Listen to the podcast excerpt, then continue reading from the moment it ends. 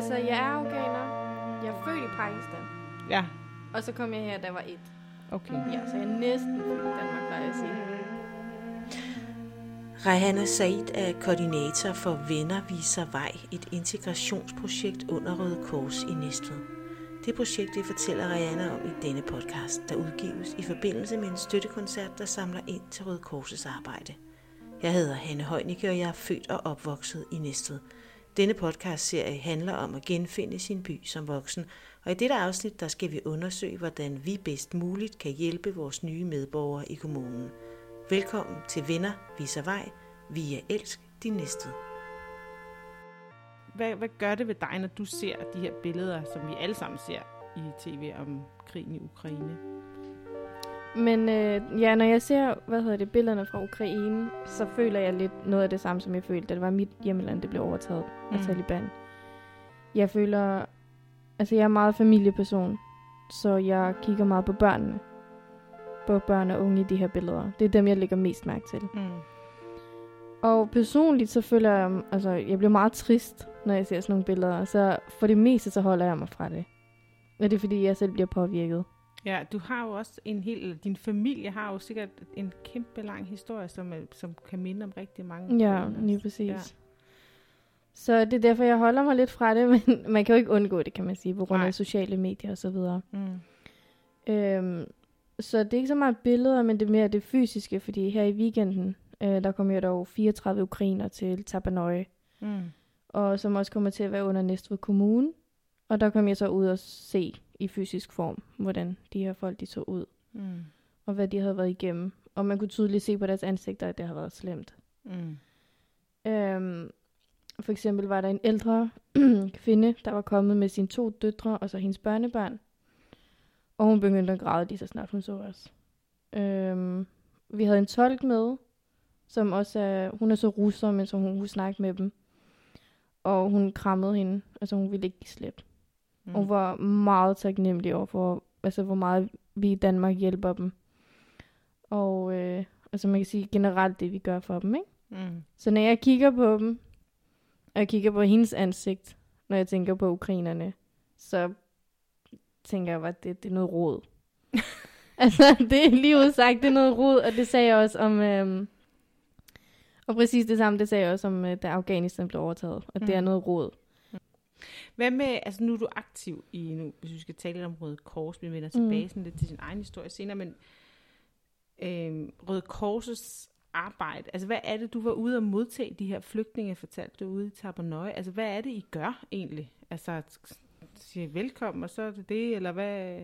Mm, ja, altså de, altså, de kom til Tabanøje sådan klokken 6 om morgenen. De har været i en bus 24 timer. Og hvem har organiseret den, ved du det? Det var faktisk to private personer, ja. i Næstved. Øhm, to polakker, der havde arrangeret en bus og en chauffør, og så var de så kørt ned mod Polen til grænsen. Mm. Hvor de så, øh, jeg ved ikke, hvordan de har organiseret det, men altså, hvor de så har samlet 34 personer op. Mm. Øh, og hvor de fleste faktisk er børn og unge. Øhm, så de fik lov til at hvile sig, da de kom. Altså, de fik lov til så lidt at sove ud, og lige komme til sig selv, kan man sige, efter en lang vej. Og så da vi kom, øhm, der var de allerede, man kan sige, de har fået sådan nogle lejligheder, ligesom øh, et ældre plejehjem, men det bruges ikke som plejehjem. Mm.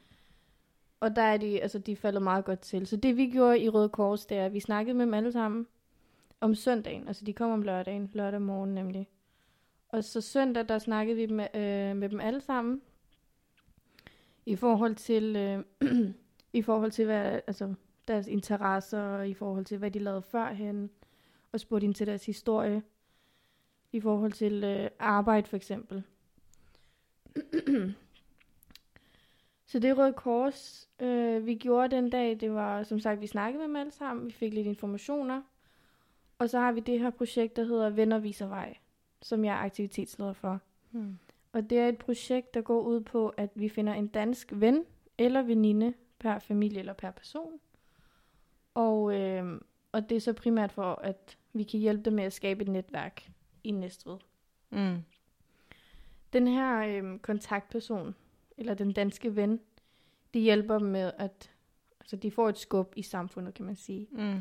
i forhold til at fortælle dem, hvad mulighederne er, i forhold til at fortælle dem i forhold til uddannelse, SFO, altså alt det, der skulle være Ja. det basale.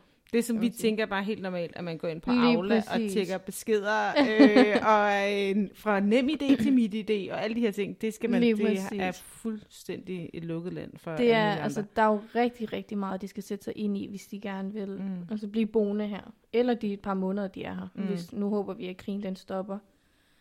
Men øh, i hvert fald den tid, de er her, der skal de jo sættes ind i det hele, hvis de gerne vil begynde at arbejde, og de begynder at gå i skole. Mm. Du, ja, da jeg talte med dig, inden vi skulle mødes her, der talte vi bare i telefon, og så sagde du mm. Det der med, at det er vigtigt, at dem, der melder sig som venner, at de ikke engagerer sig så personligt. Og det mm. Overraskede mig bare ret meget, fordi jeg tænkte, åh, det var måske det, man havde allermest brug for, at sidde og fortælle sin historie, og fortælle den igen og igen og igen og igen, men der havde du en ret vigtig pointe. Ja. Der inde i Røde Kors, i hvert fald i det her projekt, der har vi meget fokus på personen, der har flygtningebaggrund. Mm. Øhm, og der passer vi også på de frivillige, der har meldt sig til at være den her kontaktperson. Og det er på den måde, at personen, som lige er kommet til, de har jo været igennem rigtig meget trauma, og de har været igennem, altså, de har set rigtig mange slemme ting. Som et normal person, som os for eksempel ikke ville kunne forestille os, hvordan det ville være, hvordan det føles. Så derfor så passer vi på de frivillige på den måde, at øhm, vi fortæller dem, det er ikke jeres ansvar at sætte jer ind i lovgivningen for eksempel, i forhold til at øh, søge opholdstilladelse for dem, eller øhm, man kan sige, man kan godt tage til for eksempel Udlændingsstyrelsen, hvis det skulle være det Mm. med dem.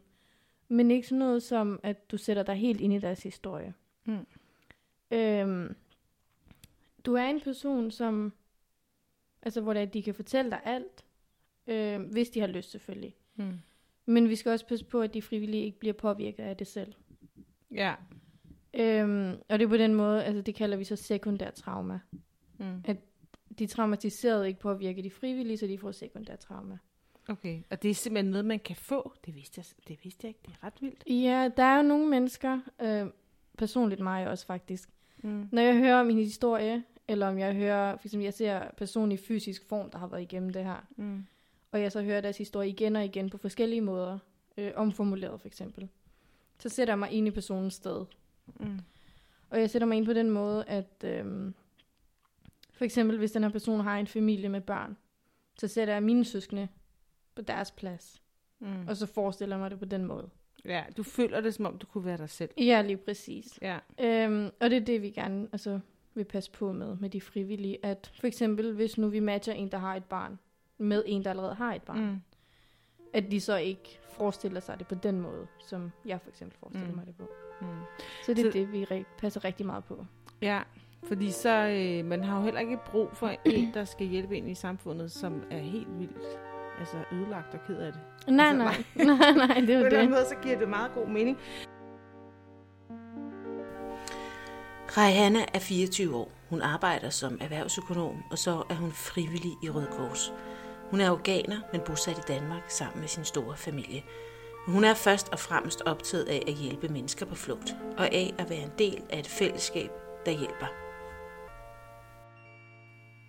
Inde, på bostedet, da jeg var her i weekenden, der snakkede vi om, at øh, der var en, en kvinde med sin datter, Mm.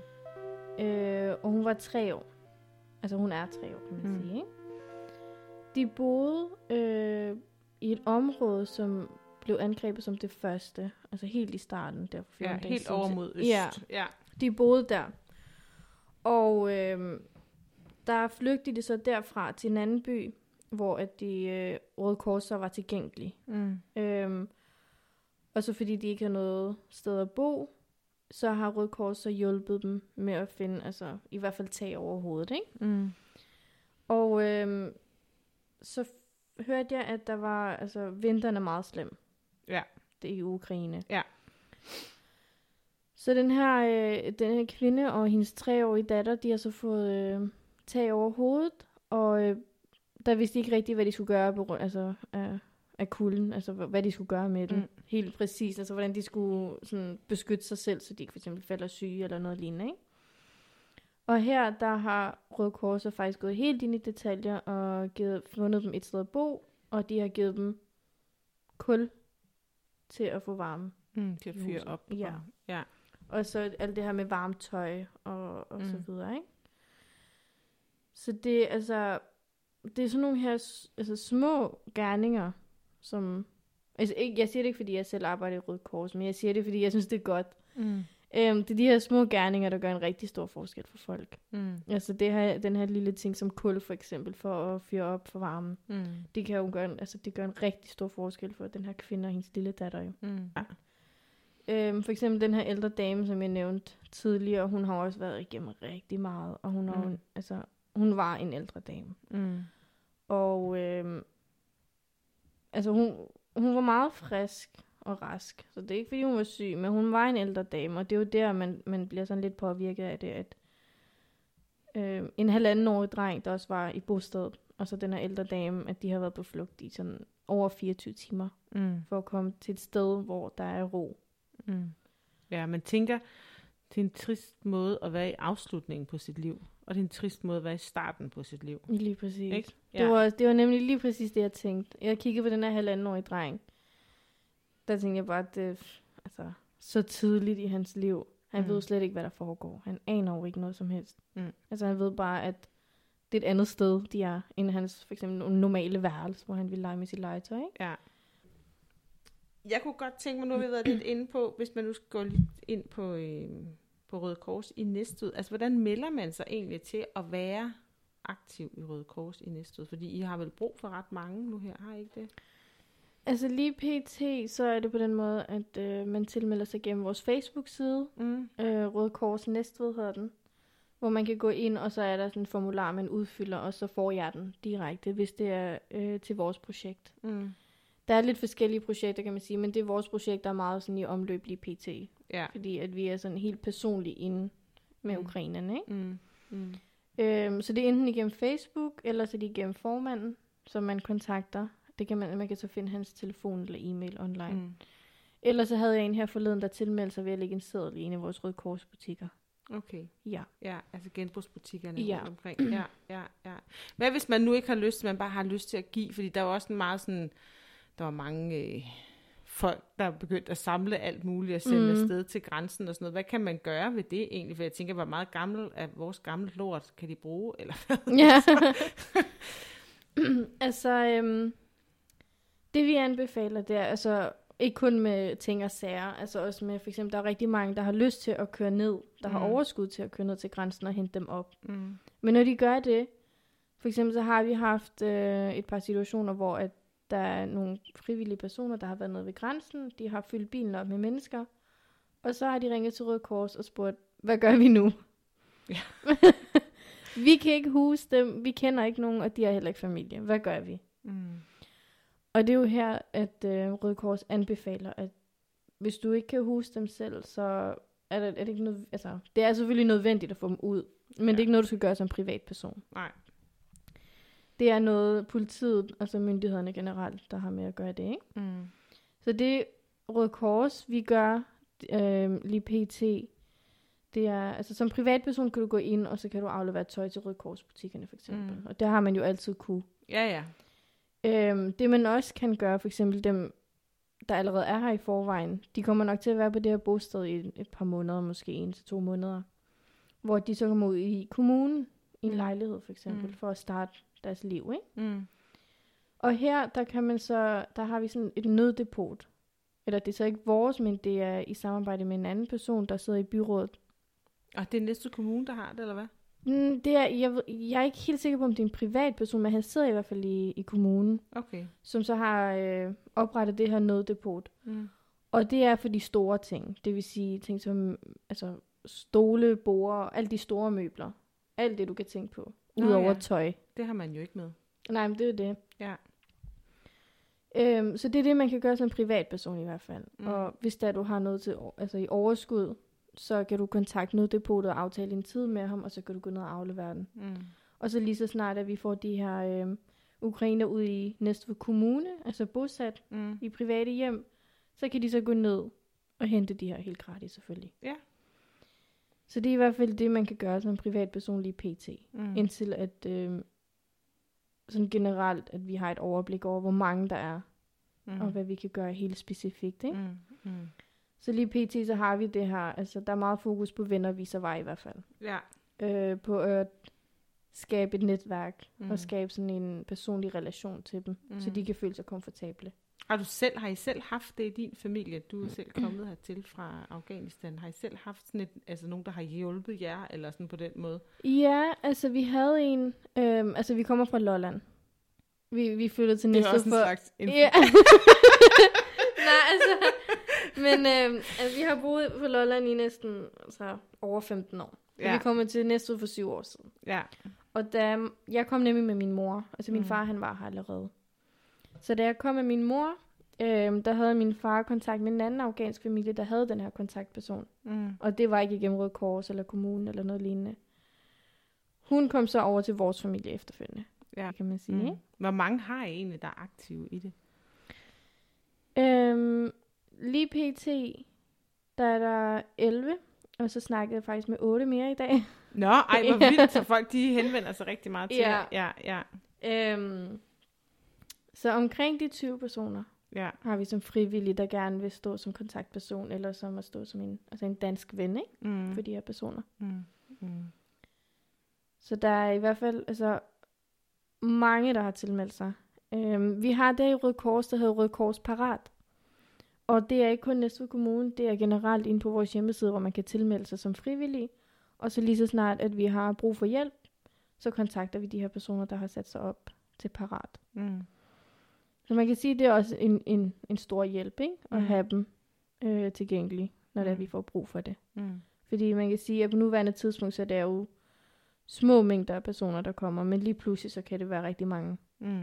Øhm, for eksempel så nede i, i Rødby, nede på Lolland, Mm. der har der været et øh, andet asylcenter, som så er blevet åbnet for, øh, for de her, der skulle komme, ikke?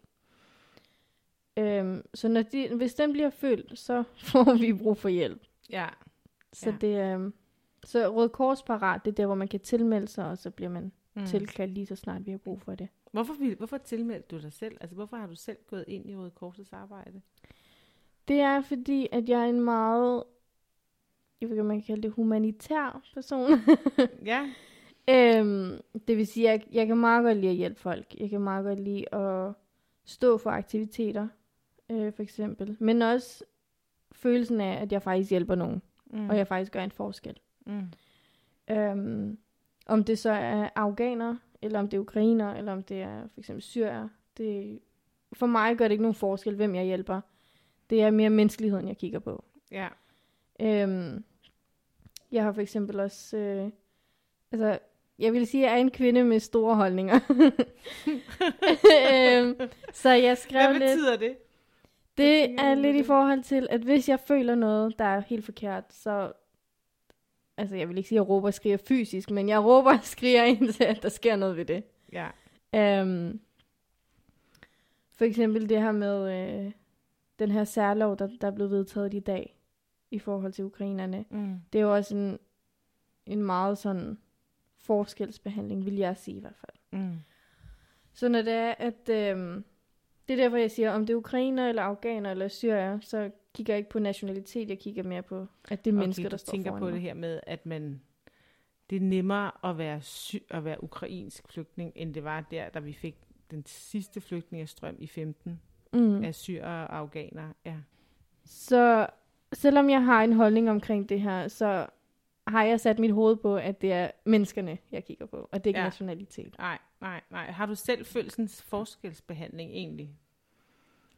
Mm, nej, det vil jeg ikke sige. Altså, jeg vil ikke sige, at jeg er blevet sådan forskelsbehandlet, på grund af, hvordan jeg ser ud, eller hvor jeg kommer fra. Mm.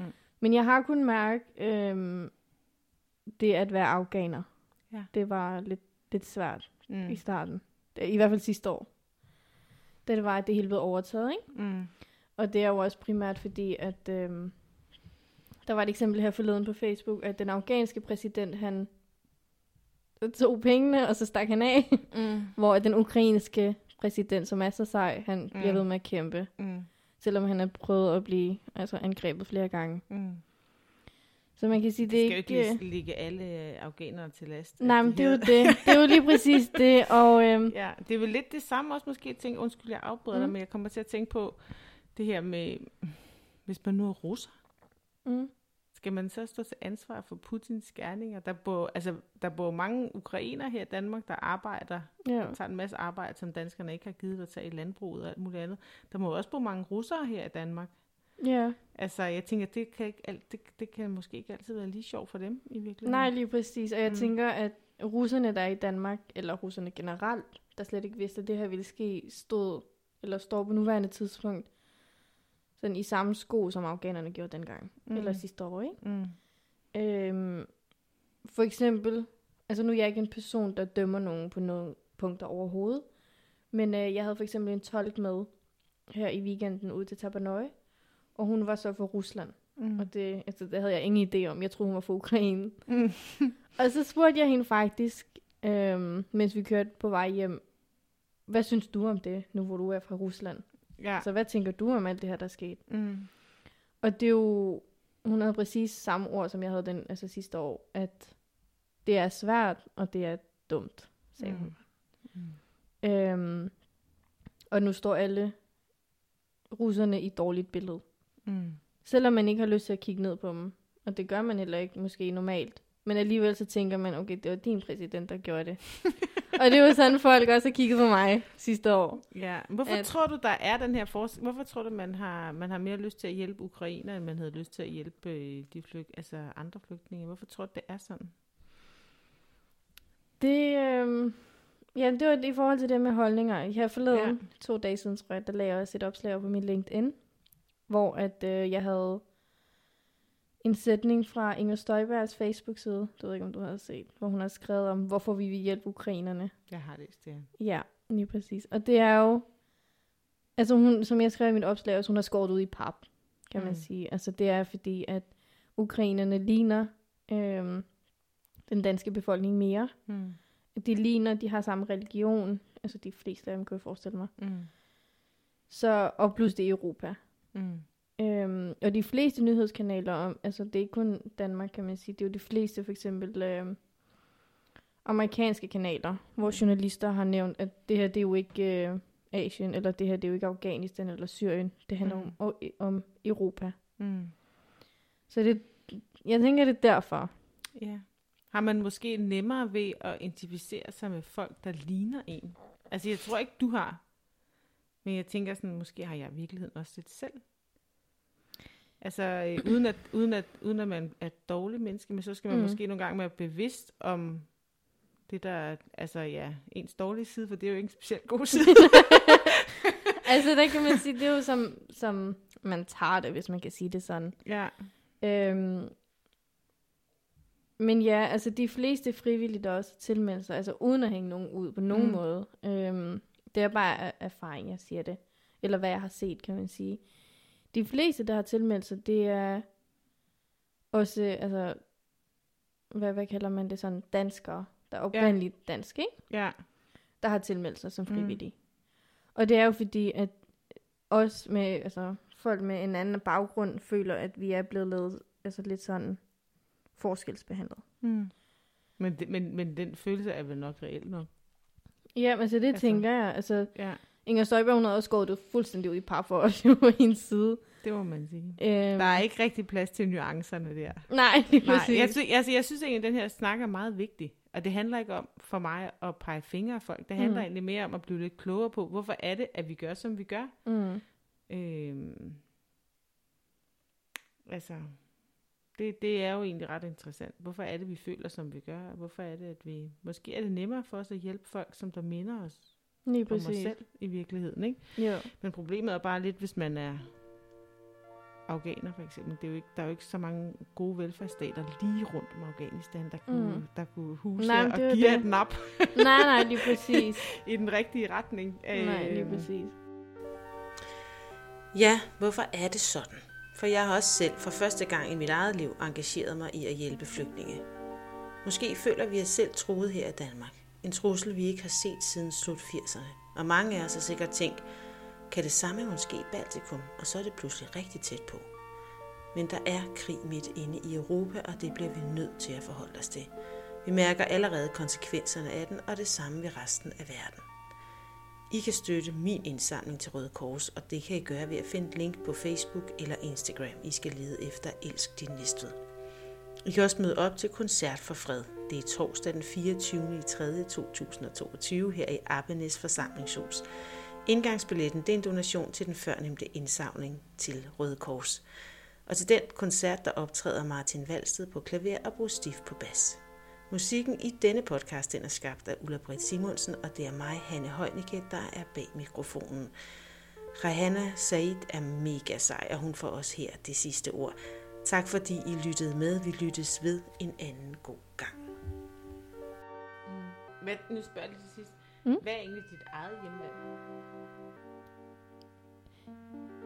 Det er der, jeg sidder lidt fast. Øhm, fordi at jeg siger, at jeg er afghaner. Og min kultur er også afghansk. Og mit sprog er afghansk. Men jeg har aldrig været i Afghanistan. Jeg har kun været i Pakistan, og det er der hele min familie er. Øhm, altså både fra min mors side og min fars side. Men alligevel så har, er jeg jo opvokset i Danmark. Så når, jeg, når der er folk, de spørger, hvor du fra, så siger jeg, at jeg er halv afghaner, halv pakistaner. Men altså, jeg er opvokset her. Mm. Så hvis der er en, der skulle spørge helt specifikt, altså hvor er du fra, så vil jeg sige Afghanistan. Ja, ja. ja. Men øh, jeg har mere styr på, på de danske værdier, end jeg har på de afghanske værdier, hvis jeg skal være helt ærlig. øhm, så det, jeg sidder lidt fast i, når folk de spørger, altså hvad er dit hjemmeland? Ja, Altså der er jo lidt forskel på spørgsmålet, ikke? Altså hvor er du fra, og så hvad er dit hjemmeland? ja, det er rigtigt. Ja. Så dit, man kan sige, at dit hjemland er Afghanistan, og dit hjemmeland er Danmark.